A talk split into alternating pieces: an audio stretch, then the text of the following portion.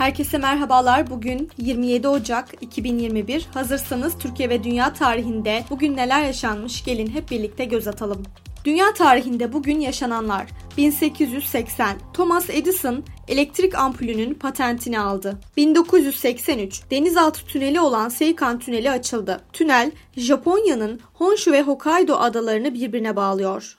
2010 Apple'ın patronu Steve Jobs, aylardır beklenen taşınabilir bilgisayar ve akıllı telefon arası çok fonksiyonlu tablet bilgisayarı iPad'i tanıttı. Türkiye tarihinde bugün yaşananlar 1947 öğretim kurumları dışında din eğitimine izin verildi. 1954 köy enstitüleri ile ilk öğretmen okullarını ilk öğretmen okulları adı altında birleştiren yasa mecliste kabul edildi. Böylece köy enstitüleri kapatıldı.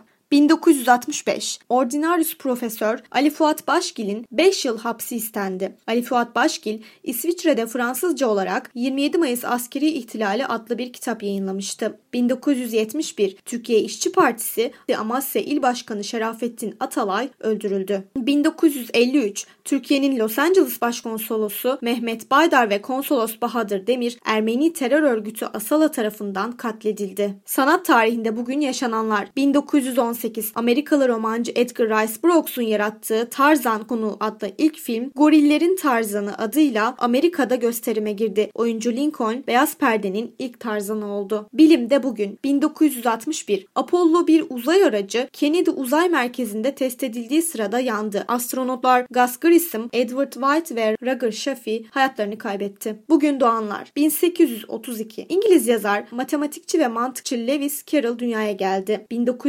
1924 1944 Kuzey Kıbrıs Türk Cumhuriyeti'nin kurucusu ve siyasetçi Rauf Denktaş doğdu. 1931 Türk tiyatro ve sinema sanatçısı Gazanfer Özcan dünyaya geldi. Bugün hayatını kaybedenler 1635 Türk şair Nefi hayatını kaybetti. 1913 Türk gazeteci, yazar ve yayıncı Hattat Ebu Ziya Tevfik Bey hayata veda etti. Bugünkü bültenimizi burada sonlandırıyoruz. Yakın dönemde gerçekleşen önemli olayları ele aldık. Yarın tarihte neler olduğunu merak ediyorsanız bizi dinlemeyi unutmayın unutmayın. Yarın görüşmek üzere.